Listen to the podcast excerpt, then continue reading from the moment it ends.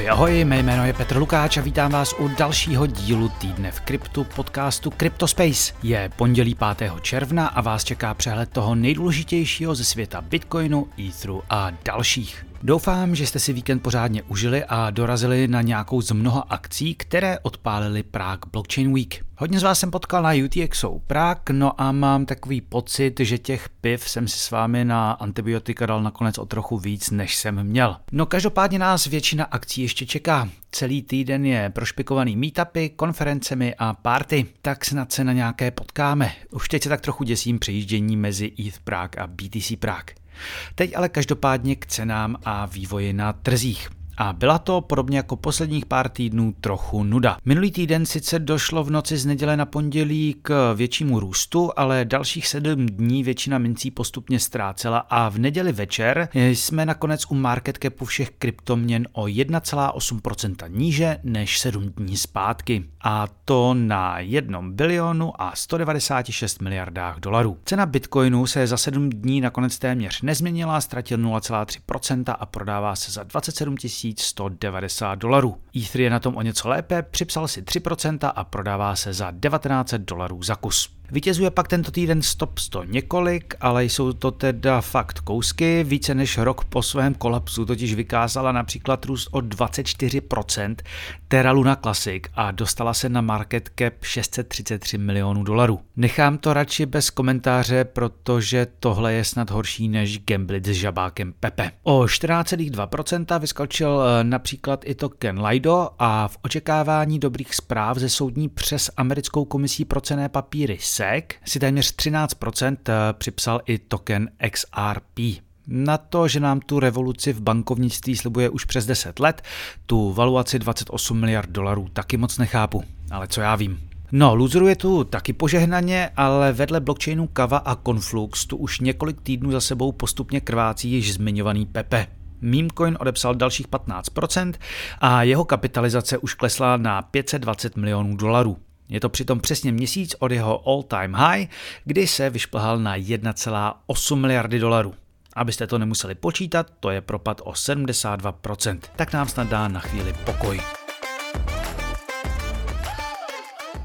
A teď můžeme konečně na zprávy. A začneme těmi pozitivními, které by, jak v našem sobotním rozhovoru na UTXO uh, uvedl šéf research projektu Coinbero Daniel Krupka, mohli nastartovat za pár měsíců nový bullrun. Podle Daniela, jak se asi dozvíte v nějakém budoucím uh, podcastu, tím prvním hybatelem bude tentokrát Ázie, respektive investoři z ní. A první vlaštovkou, kterou můžeme vidět, je nová regulace přijatá v Hongkongu. Ten má v plánu stát se regionálním hubem pro krypto a fintech obecně, a to přes stále trvající zákaz krypta na půdě kontinentální Číny. Každopádně, od začátku června mohou hongkongští retailoví investoři nakupovat a prodávat krypto na licencovaných burzách. Burzy si sice mohou o licenci požádat až od začátku června, ale na její získání mají 18 měsíců, během kterých už mohou podnikat. Od čtvrtka tak nabírá například klienty burza Huobi, prvních 16 kryptoměn svým klientům bude nabízet i OKX. A všichni čekají,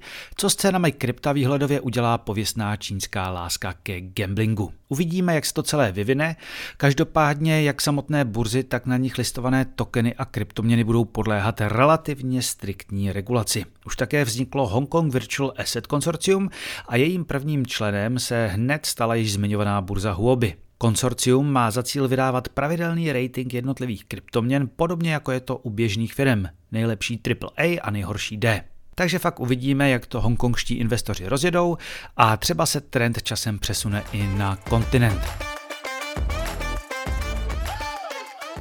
No, ale ne všechny zprávy z Číny jsou tak růžové, jak se může zdát. Minulý týden eh, jsme si říkali, že roste panika okolo protokolu Multichain, který funguje jako bridge mezi řadou blockchainů.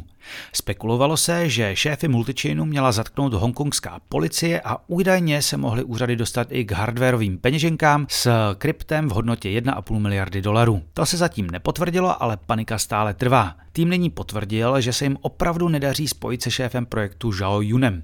Navíc nemají přístup k potřebným serverům a tak ukončují přenosy mezi některými hlavně menšími blockchainy jako Findora, DinoChain, Redlightchain a další. Celý seznam si můžete přečíst na Twitteru Multichainu. No a to není všechno.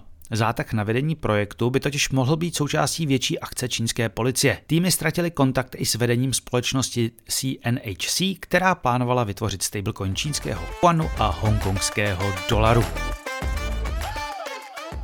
Posledně jsem se tomu nevěnoval, protože to byl ještě trochu maglajs, teď už je to ale všechno vyřešeno, tak si to můžeme pěkně schrnout. Někteří z vás si asi všimli, že protokol Tornado Cash Mixer, který slouží k anonymizaci prostředků na Ethereum a který americké úřady dali na sankční seznam, tak Tornado Cash se dostal do spáru hackera. Tomu se na počátku podařilo ukrást podstatné množství tokenů TORN Torn a získal tak rozhodující většinu v rámci governance celého protokolu. No a nakonec vše vrátil do rukou původních majitelů tokenu. Výsledek? Tornado Cash funguje stejně jako předtím. Tady ale opatrně, pokud tím zkusíte projet svoje tokeny, dostanete se na černou listinu a zablokuje vás drtivá většina centralizovaných i velká část decentralizovaných směnáren, burs a tak dále. Útočník se nakonec spokojil s tím, že většinu ukradených tokenů Torn změnil za Ethery v hodnotě asi 900 tisíc dolarů a ty, světe div se, prohnal Tornado Cashem, aby tak znemožnil svoje vystopování. A máme tady takové okénko ze světa stablecoinů, tedy jen těch největších. Pokud vás zajímá, co se kuchtí ve světě těch menších a jaké projekty plánují využít tzv. LSDs nebo LSTs, tedy Liquid Staking deriváty nebo Liquid Staking tokeny, tedy které je chtějí využít k vydávání nových decentralizovaných měn, dejte si DeFi speciál se Sašou, který vyšel ve čtvrtek. Myslím, že se povedl a stojí za to. A navíc se dozvíte pár zajímavých protokolů, které se možná vyplatí v následujícím Pluranu sledovat. Takže kdo tam ještě není, jděte na herohero.co lomeno Cryptospace. Každopádně zpátky k těm největším. Stablecoin USDT společnosti Tether dosáhl svého historického maxima, když má valuaci 83,6 miliardy dolarů a představuje tak už 7,5% celého market capu všech kryptoměn. Dvojka USDC má 28,9 miliardy dolarů a trojka, pomalu končící Binance USD, už jen 5,1 miliardy a stále klesá. Tím ale nekončíme. V DeFi je USDC mnohem důležitější než Tether a jde tomu napřed dalším menším krůčkem. Společnost Circle, která za ním stojí, začne tokeny vydávat nativně i na rychle rostoucí druhé vrstvě Etherea Arbitrum. Až doteď byly všechny tokeny na této síti takzvaně bridgeované. A do třetice DAO, který stojí za stablecoinem DAI, nakoupí přes broker Blocktower Capital americké státní dluhopisy za 1,3 miliardy dolarů. Snaží se tak diverzifikovat rezervy, které DAI bekují. No a když už řešíme stablecoiny, můžeme se podívat i na CBDCs, tedy digitální měny centrálních bank. Na podobných projektech pracuje Čína, Austrálie, USA, no prostě skoro všichni. A o podobný projekt se pokouší i trošku těžkopádná Evropská unie. Člen představenstva Evropské centrální banky Fabio Panetta v rozhovoru pro Lezeko nastínil časový plán, se kterým nyní úřady pracují. Podle něj by mohla Evropská komise představit legislativní návrh, který by vytvoření měny umožnil už nyní v červnu. V říjnu by pak řídící rada ECB měla rozhodnout, jestli rozjet přípravnou fázi nebo ne. Tato fáze by pak mohla trvat dva až tři roky. Pokud vše půjde podle plánu a pokud to odsouhlasí řídící rada, členské státy i Evropský parlament, mohli bychom se dočkat digitálního eura už za tři až čtyři roky. No, uvidíme, koho zajímají rizika i možné výhody CBDCs, odkážu vás na rozhovor s Jaromírem Sladkovským z letošního února. Obecně mám pocit, že obavy ze ztráty soukromí o dost převládají nad nějakou formou nadšení. A na závěr náš oblíbený bizár, tentokrát z půdy amerického senátu. Tamní senátorce Elizabeth Warren totiž už definitivně hráblo. To, že nemá ráda krypto, ví asi všichni. Její výlevy ale neberou konce.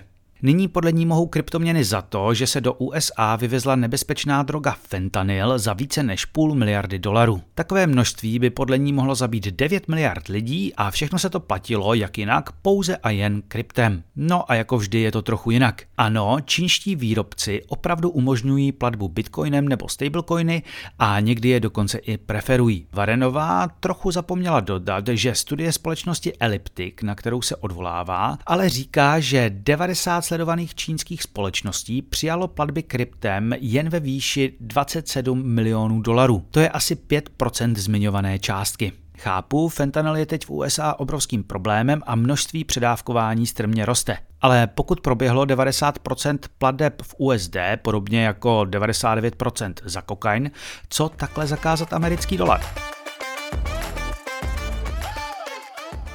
No a touhle veselou tečkou dneska skončíme. Doufám, že se vám i tento díl líbil a hlavně, že hodně z vás potkám na následujících akcích. To je za mě pro tentokrát vše a budu se těšit zase příště. Naschledanou.